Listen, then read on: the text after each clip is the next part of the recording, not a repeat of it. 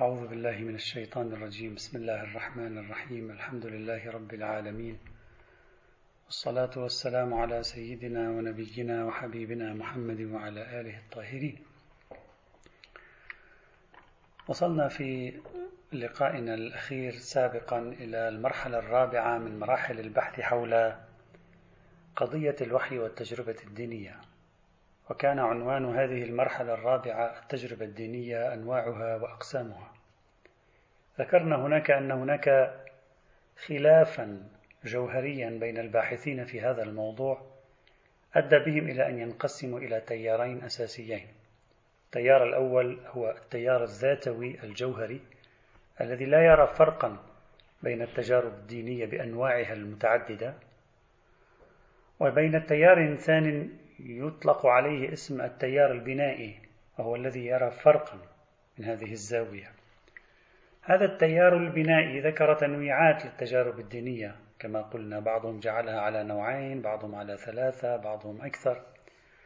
سأستعين هنا بالتنويع السداسي الذي طرح من قبل كارولين ديفيس آه، في كتابها حول هذا الموضوع الذي خصصته لدراسة القوة الإثباتية في التجربة الدينية. هناك ديفيز نوعت التجربة الدينية إلى ستة أنواع وهي كالآتي باختصار شديد. النوع الأول التجارب التفسيرية.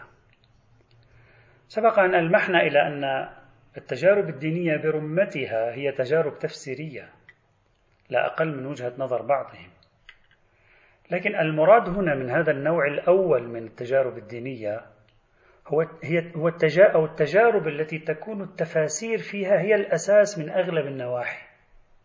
يعني بمعنى أن التفسير التجربة هو العلامة البارزة بقوة فيها، هو المقوم لها، هو المجوهر لها. بمعنى أن التجربة من حيث هي تجربة ليست دينية، لكن من حيث أن من حيث تفسيرها يمكن أن نطلق عليها اسم التجربة الدينية. إذا لاحظوا جيدا التجربة في جوهرها وذاتها هنا باعترافهم ليست تجربة دينية. لكن من حيث إن التفسير الذي يلحق هذه التجربة هو تفسير ديني نعبر عن هذه التجربة بأنها تجربة دينية. ما معنى التجارب التفسيرية؟ دعوني أوضح التجارب التفسيرية من خلال أمثلة كما هم فعلوا أيضا وسأختار بعض الأمثلة أو سأطرح بعض الأمثلة. مثال الأول شيوع وباء عارم مثلا خلونا نأخذ في فترتنا الحاضرة فيروس كورونا فيروس كورونا حدث طبيعي بامتياز له أسباب طبيعية وفقا لدراسات العلماء المؤمن عندما يخوض مع هذا الحدث تجربة دينية عندما يخوض تجربة دينية جوهرها التفسير أو دعوني أقول عندما يخوض تجربة جوهرها التفسير الديني ماذا يفعل؟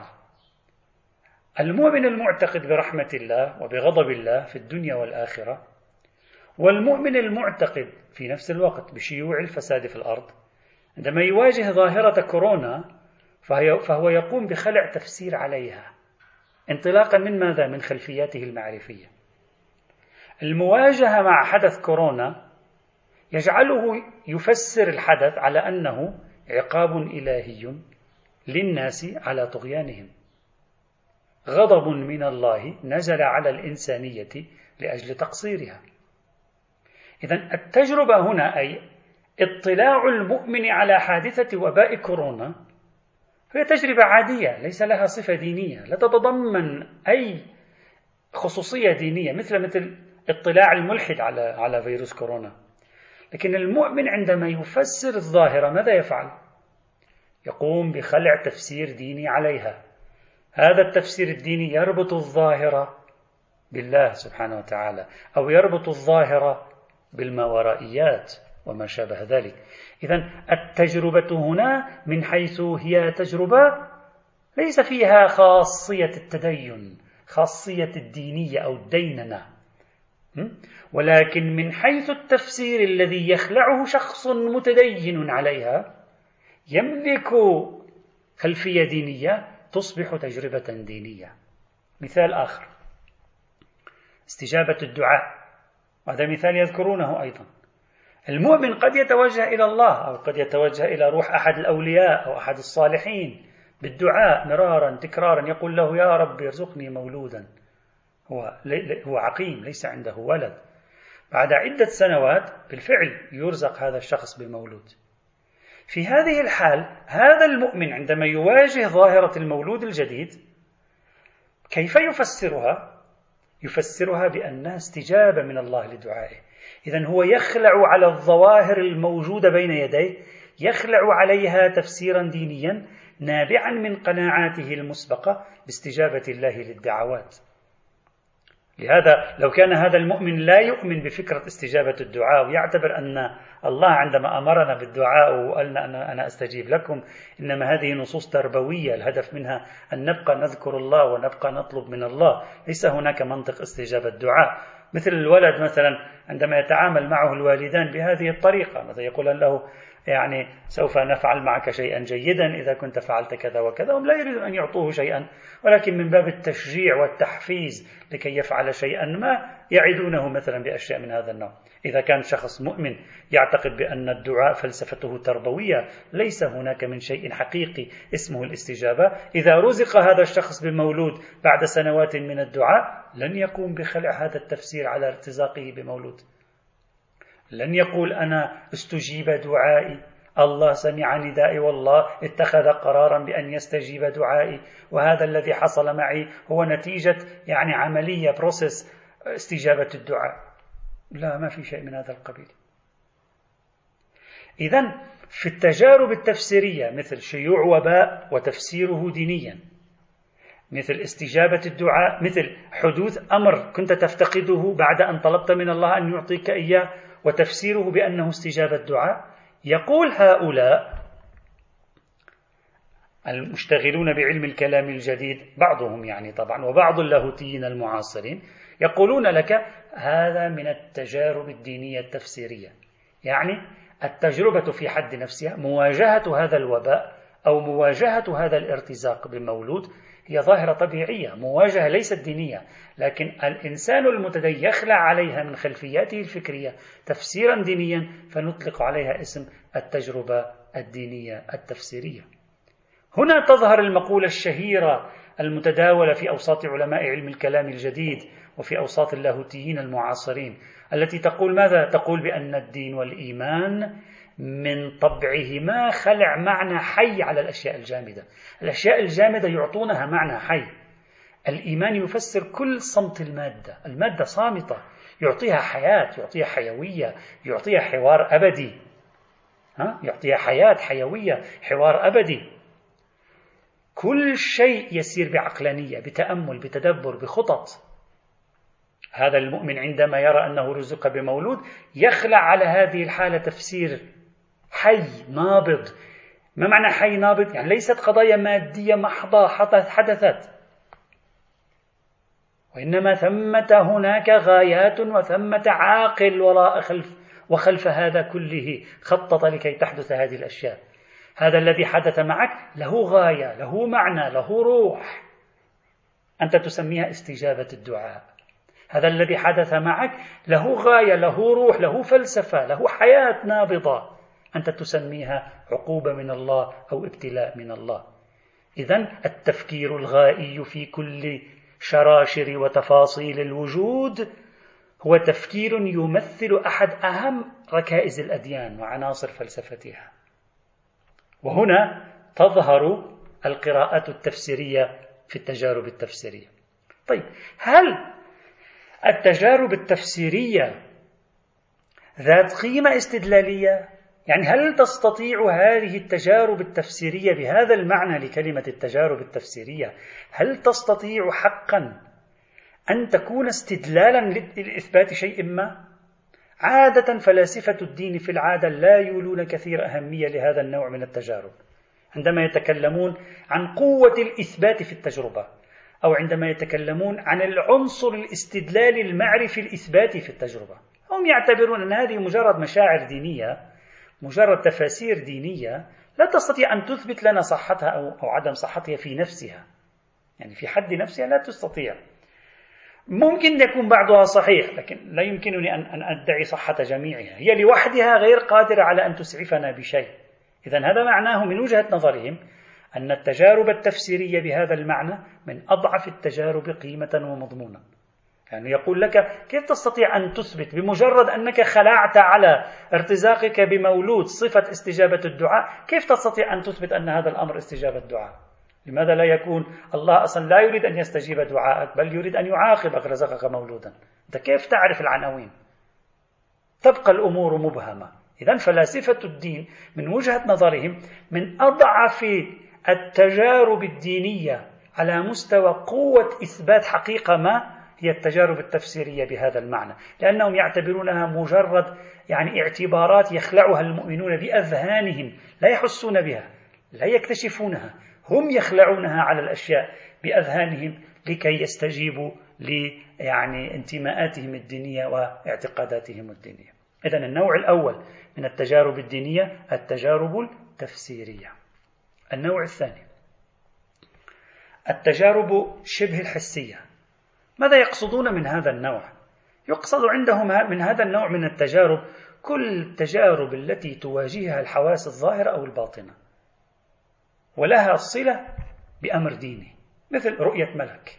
سماع صوت لم يسمعه الآخرون. الحديث مع الله. الحديث مع شخص استثنائي متوفى يظهر أمامك مثلا. نبي ولي إلى آخره. أيضا يدخل في هذا النوع من التجارب عندهم العناصر الحسية في عالم المنام. ترى في المنام تتكلم في المنام تسمع في المنام تحس في المنام تشم في المنام تتذوق في المنام. إلى آخره. كل هذا النوع من التجارب يعبرون عنها بالتجارب الشبه الحسية.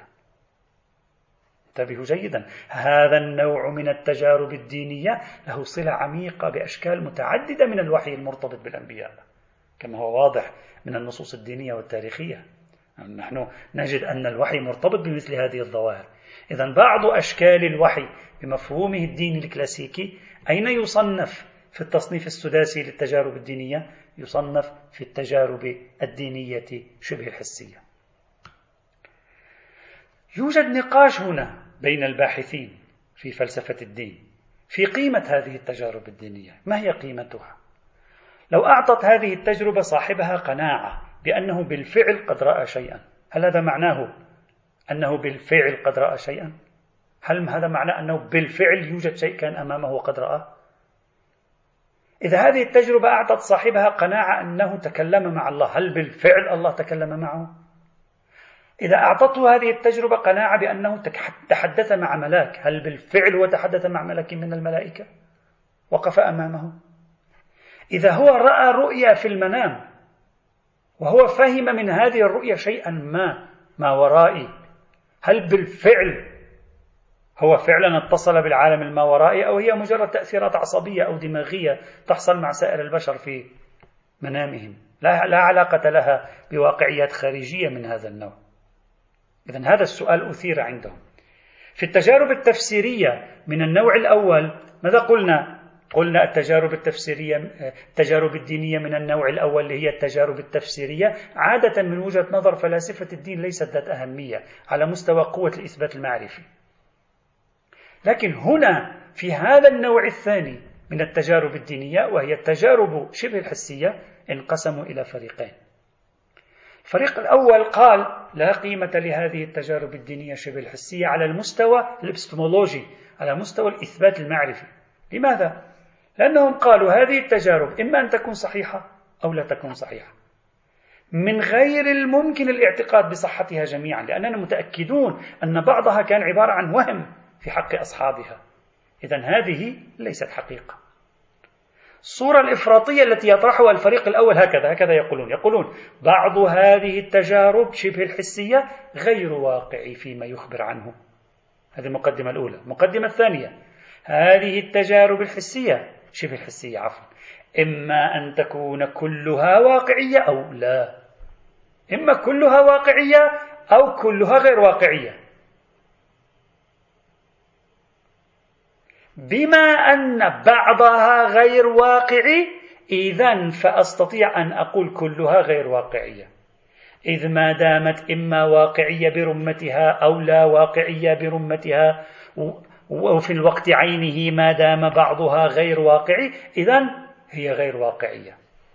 يعني بعبارة أخرى هم تصوروا هكذا أنه إما أن تكون كلها واقعية أو كلها غير واقعية. طيب لما اكتشفنا أن بعضها غير واقعي إذا اكتشفنا أنها غير واقعية. لأن لو كانت واقعية كانت كلها واقعية. وحيث إن بعضها غير واقعي إذا فليست كلها واقعية. إذا فكلها غير واقعي. هكذا تصوروا. طبعا هذا التحليل الذي طرحه الفريق الأول تم نقده من قبل الآخرين.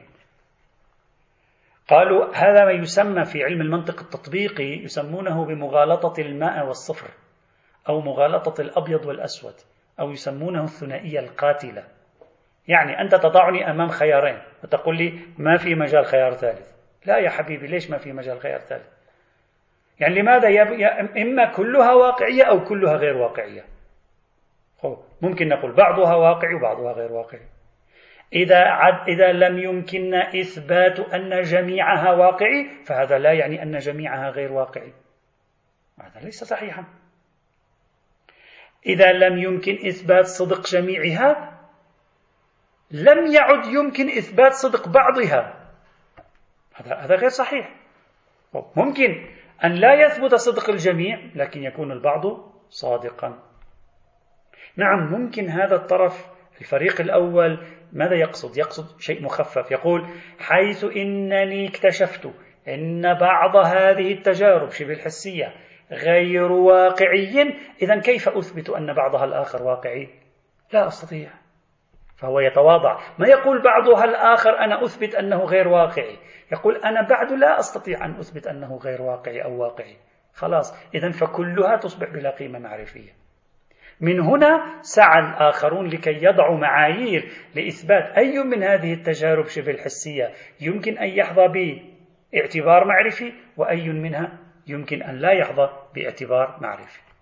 إذا الفريق الأول هنا ماذا قال؟ قال هذه التجارب شبه الحسية كلها لا توجد لها قيمة معرفية إثباتية إما كلها صحيحة أو كلها باطلة حيث إنه لم يثبت أن كلها ثبت أنها أن بطلان كلها صحيحة إذا فقد ثبت أنها باطلة إذا أشكلنا عليه أنت وضعتنا في مغالطة الأبيض والأسود وحصرتنا أمام طريقين ويوجد طريق ثالث.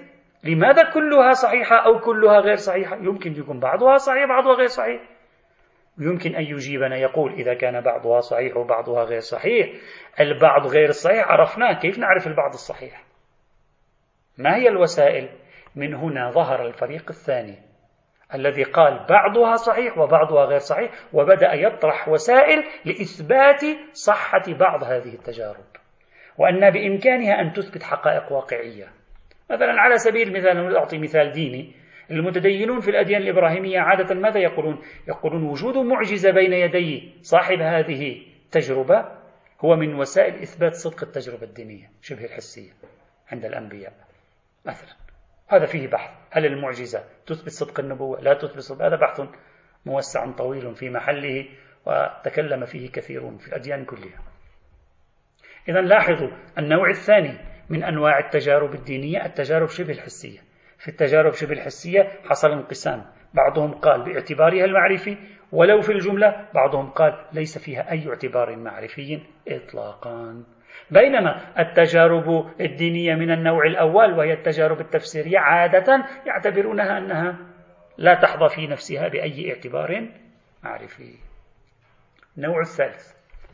التجارب الوحيية أو الوحيانية. فلاسفة الدين في هذا التقسيم السداسي لا يقصدون من التجارب الوحيية تجارب الأنبياء كما هي الحال في اصطلاحات الأديان الإبراهيمية. لا لا لا.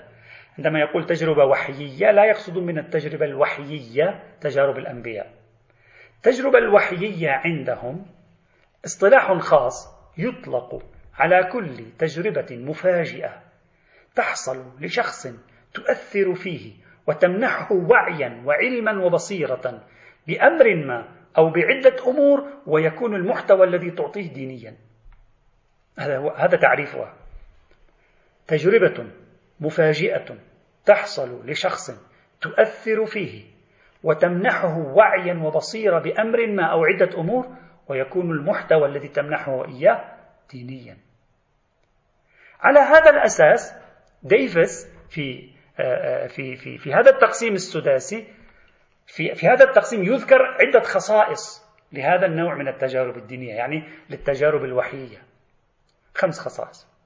الخاصية الأولى التجارب الوحيية عادة ما تكون تجارب مفاجئة غير متوقعة حتى لصاحبها. يعني من دون أن يتوقع هكذا في لحظة ما بدون أي مناسبة تحدث له التجربة. غير متوقعة مفاجئة وتقع في مدة زمنية قصيرة جدا. عادة.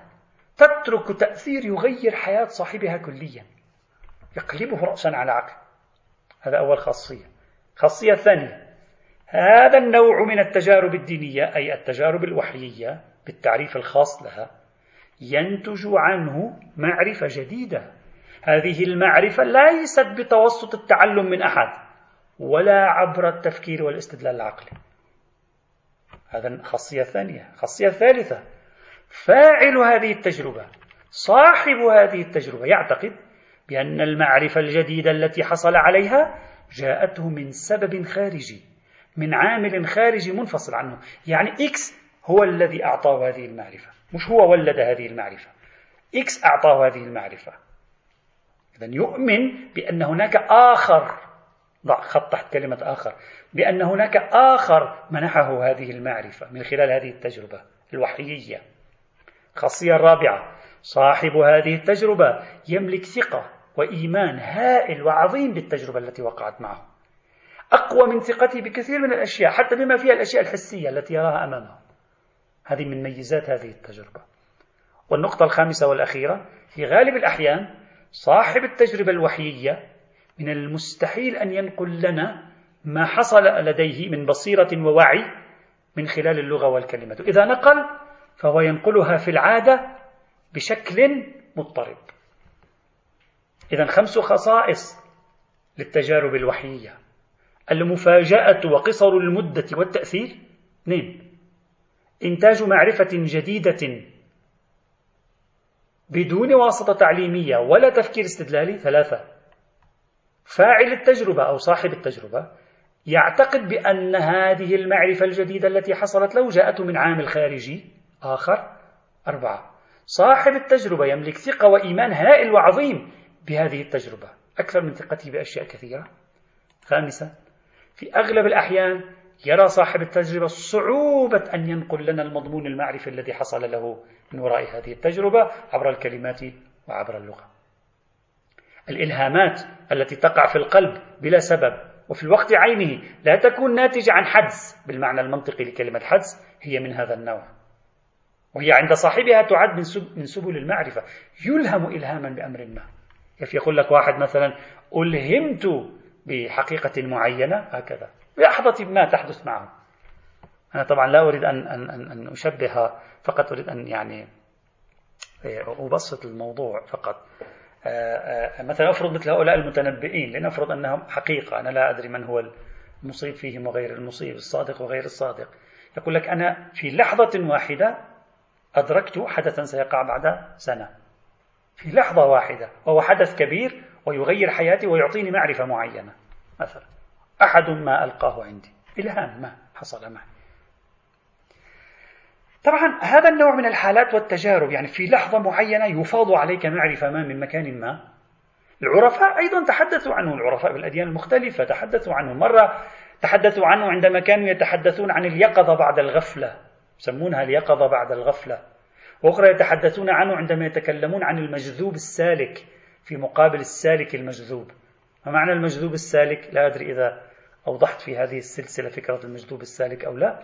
المجذوب السالك يعني هو شخص لا يبذل جهد وعناء يسلك إلى الله بعد ذلك يجذبه الله إليه بل في لحظة ما يعبر ويطوي مراحل من السلوك إلى الله. يجذب جذبا. هذا معنى قصر المدة هذا معنى المفاجأة هذا معنى ضربة برق. هناك قصة مشهورة جدا يطرحونها عادة في البوذية تسمى بتجربة ساتوري ويتكلمون عنها كثيرا لا أريد أن يعني أطيل في الحديث عنها هنا. إذا كم نوع تجربة عندي؟ ثلاث أنواع. التجربة الدينية التفسيرية التجربة الدينية شبه الحسية التجربة الدينية الوحيية النوع الرابع. التجارب الإحيائية. الباحثون في مجال التجربة الدينية يعتبرون هذا النوع من التجارب الدينية هو الأكثر شيوعا بين الناس. ما معنى التجارب الإحيائية؟ حدث ما يحصل لشخص يحيي إيمانه يجدد له حياته الدينية يوقظه. تجارب تحيي إيمان الفرد تجارب تجدد له الحياة الدينية. توقظه بعد السبات. مثلا على سبيل المثال شخص يذهب إلى الحج هذه التجربة تحدث له. يعني هذا هذه هذه الحادثة التي تحدث معه تعطيه حياة جديدة. يعيش هناك تجربة روحية ممتازة. ما كان عاش في حياته الروتينية اليومية. كأنما تتجدد خلايا الإيمان عنده. لهذا تراه أو بعضهم يعني على الأقل يرجع لبلده يملك سلوكا أفضل حالة حالة روحية أحسن. كذلك الحال مثلا هذا مثال يذكرونه هم أيضا شخص ما بسبب يعني بسيط جدا ينجو من كارثة محتمة محققة بسبب ما يحدث معه لا يصعد إلى الطائرة. بشكل غير متوقع لا يصعد إلى الطائرة. الطائرة تسقط. يشعر هذا الشخص في لحظة معينة أن الله نجاه يحدث ذلك في نفسه حياة إيمانية. يستيقظ. الله أكبر. ما هذا الذي حدث معي؟ كأنما هو مسج كأنما هو رسالة لكي أرجع إلى الله. يبدأ يتجه إلى الله يبدأ يرد المظالم لأهلها يبدأ يستغفر الله عما مضى يكثر من التصدق يحس بأن كأنما الله أعطى عناية معينة له أعطى فرصة جديدة. تعال يلا ابدأ بحياتك الدينية. تعال ارجع احيي إيمانك. لذلك هي تجارب إحيائية. الهدف منها إحياء الإيمان. إحياء الروح الإيمانية في فرد الإنسان. إذا أردت أن أحلل الفرق بين التجارب الإحيائية هذه انتبهوا جيدا وبين التجارب التفسيرية التجارب التفسيرية أقرب ما تكون جافة. يعني أنا أقول الكورونا غضب من الله هكذا ما يحدث في نفسي شيء يعني ما يغير حياتي لكن أقول هذا غضب من الله. لا حول ولا قوة إلا بالله. بينما التجربة الإحيائية أكثر حيوية يعني قوة الحيوية فيها أكبر بكثير. حية نابضة مؤثرة في سلوك الفرد مؤثرة في نبض حياته الإيمانية مؤثرة في تجديد روحه وأخلاقه. لذلك قلنا التجارب التفسيرية يعني النوع الأول يعني هي أقرب إلى مجرد خلع معنى. أكثر من عيش تجربة إيمانية حقيقية. بينما هنا لا تجربة إيمانية حقيقية. بالفعل.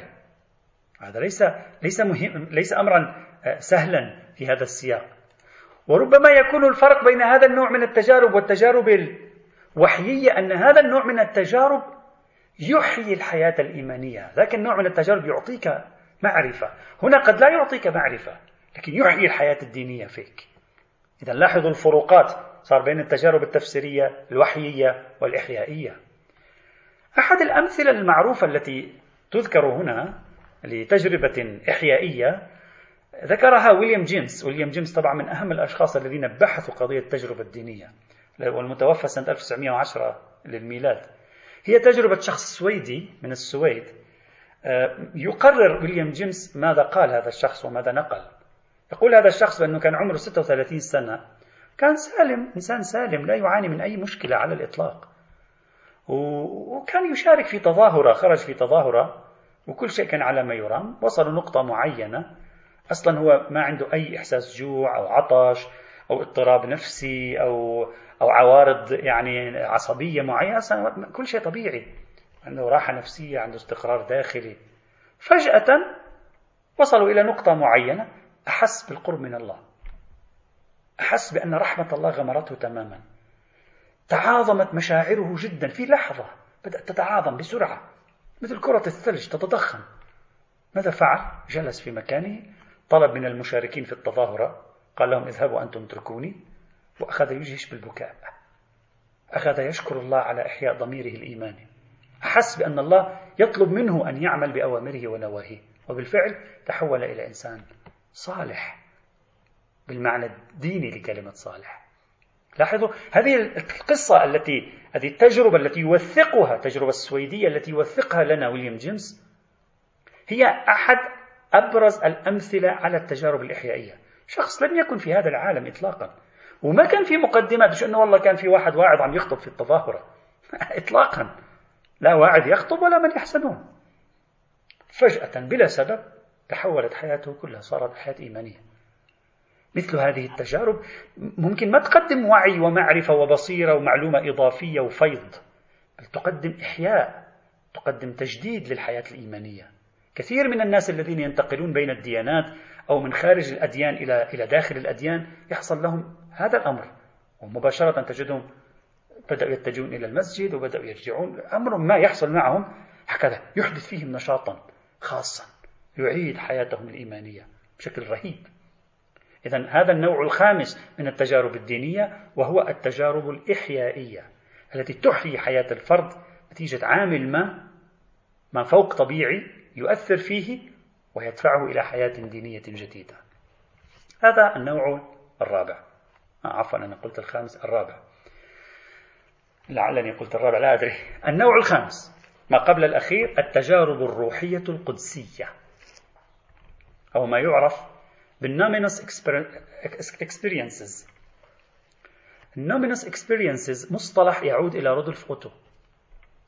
يشتق تعبير ال numinous من كلمة numen اللاتينية التي تعني الموجود ما وراء الطبيعي. الموجود ما وراء الطبيعي الذي يملك هيبة وجلالا والذي يكون الأمر القدسي منه ومن عنصر الخير الأخلاقي. النومينوس experiences أو التجارب الروحية القدسية يعتبرها أوتو من أهم التجارب. ويراها هذه هذه هذه تنتمي هذه الفكرة إلى مدرسة رودولف أوتو. ولديه كتاب اسمه الأمر القدسي. ترجم هذا الكتاب بالعربية بالمناسبة وطبعته طبع في بيروت من قبل معهد المعارف الحكمية. بإمكانكم أن تراجعوا هذا الكتاب. أوتو في هذا الكتاب يعتبر أن تجربة العلاقة الروحية بالمقدس المتعالي أو ما يسميه هو بال numinous experiences أو التجارب الروحية القدسية تتقوم بعنصرين العلاقة مع هذا الإله المقدس المتعالي اللي هو الله تتقوم بعنصرين الدفع والجذب. شيء يشبه مفهوم الجمال والجلال في التراث الإسلامي. الجلال تعطيك هيبة تخاف. الجمال يعطيك جذب.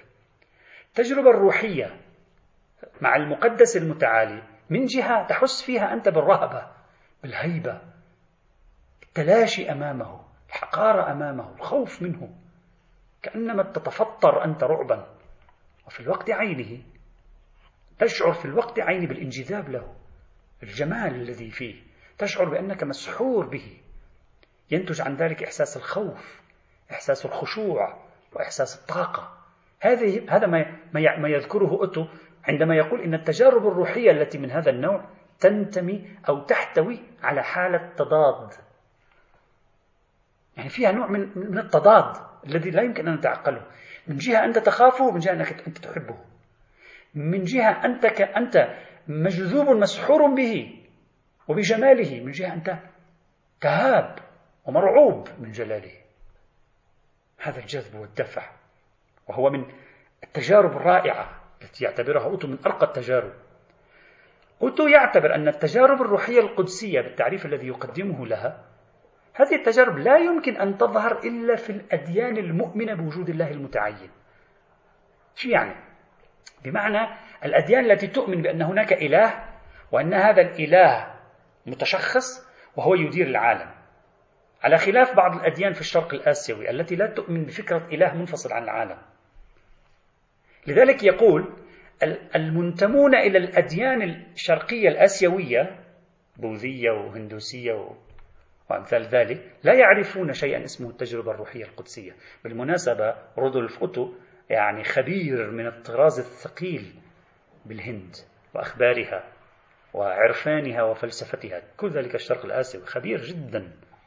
يعني فترات طويلة هناك.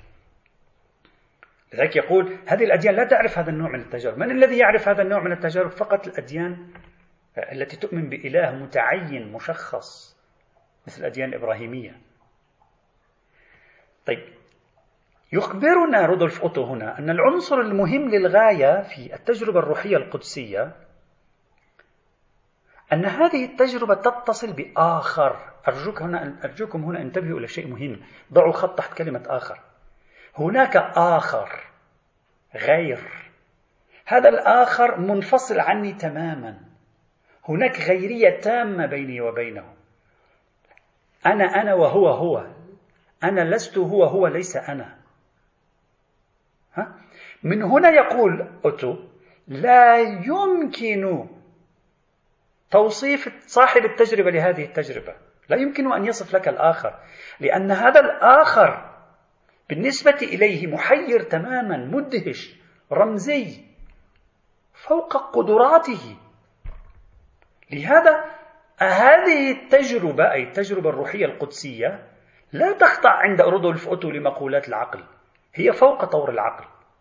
بل هو يقول في بعض الأحيان هذا هذا صاحب التجربة عندما يأتي ويكلمني عن التجربة أو يكلمني عن الآخر أشعر بأنه يكلمني بكلمات متناقضة وفقا للمنطق العقلاني. لأن, لأن لا يمكن تعبير عنها. الآخر أكبر من أن يوصف من شدة الرمزية الحيرة السرية الخفاء الذي هو فيه. إذا لاحظوا جيدا وأنا طبعا اختصرت بقدر ما يمكنني أن التجارب الروحية القدسية أو النومينوس experiences هذه التجارب لها خصوصية عالية. إضافة إلى عنصري الدفع والجذب فيها هي من جهة لا يمكن أن تظهر خارج الأديان التي تعرف التي تعرف الله الوجود المشخص المتعين. المنفصل. اثنين تتقوم هذه التجربة بالغيرية يعني ثنائية الأنا والآخر. ثلاثة الآخر من شدة كونه محيرا وسرا ومدهشا لا يمكن للعقل أن بعد التجربة يجي يوصف لي إياه. ولذلك لو حاول لرأيت تناقضات في الكلمات.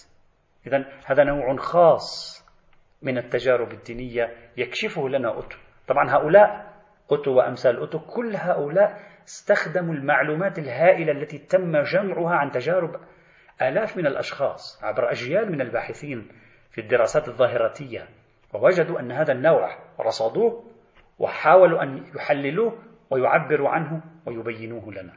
إذا كم كم نوع من التجارب الدينية صار عندنا إلى الآن؟ خمسة أنواع. التجارب التفسيرية التجارب شبه الحسية التجارب الوحيية التجارب الإحيائية التجارب الروحية القدسية والنوع الأخير التجارب العرفانية. أو mystical experiences. التجارب العرفانية أو التجارب الباطنية الروحانية مجموعة التجارب التي يتميز بها العرفاء في الأديان المختلفة. هذه التجارب خضعت لتحليلات مهمة في القرن الأخير بهدف إجراء مقارنات ومقاربات فيها. بهدف تحليل عناصرها وضم. ماذا يحدث مع هؤلاء بين قوسين المسمون بالعرفاء هنا تجد شخصيات اشتغلت كثيرا على تحليل التجارب العرفانية ما الذي يحدث مع هؤلاء؟ ما قصة هؤلاء؟ ما ميزات هذه التجارب؟ ما خصائص هذه التجارب؟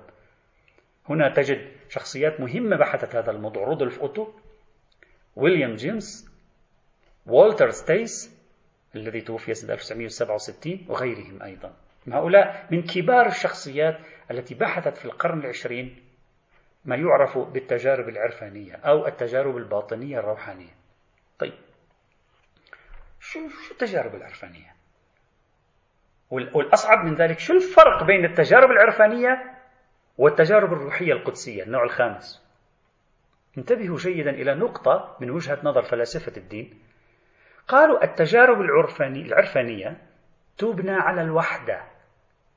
يعني التجربة العرفانية سنخ تجربة ينعدم فيها إحساس التغاير بينك وبين الذي تجربه المتعلق التجربة يعني أنت لا تشعر بالتغاير بينك وبين الله كأنما تتحد به الغيرية مضمحلة تماما بعكس التجارب القدسية التي تكون الغيرية فيها في أعلى درجاتها.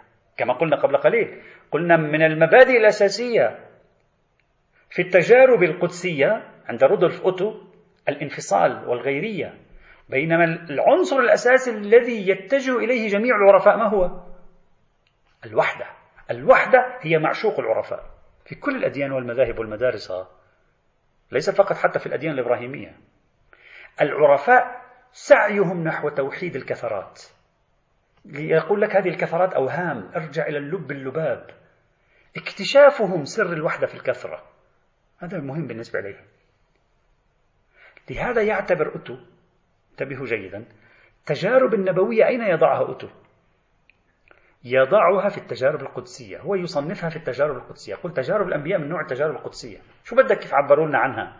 لكن تجاربهم هي من نوع التجارب القدسية. جوهر نبوتهم عندما يخوضون تجربة قدسية. لا عندما يخوضون تجربة عرفانية. انتبهوا جيدا. إذا معناه أن رودولف أوتو ميز بين العرفان والنبوة ميز بين العارف والنبي. العارف لديه تجربة دينية والنبي لديه تجربة دينية. لكن التجربة الدينية عند العارف هي من نوع تجارب الوحدة أي التجارب العرفانية. بينما التجربة الدينية عند النبي هي من نوع التجارب القدسية أي تجارب المغايرة والإثنينية التي ينبثق منها إحساس الرهبة والتلاشي وفي الوقت عينه إحساس الانجذاب والانسحار إذا صح التعبير.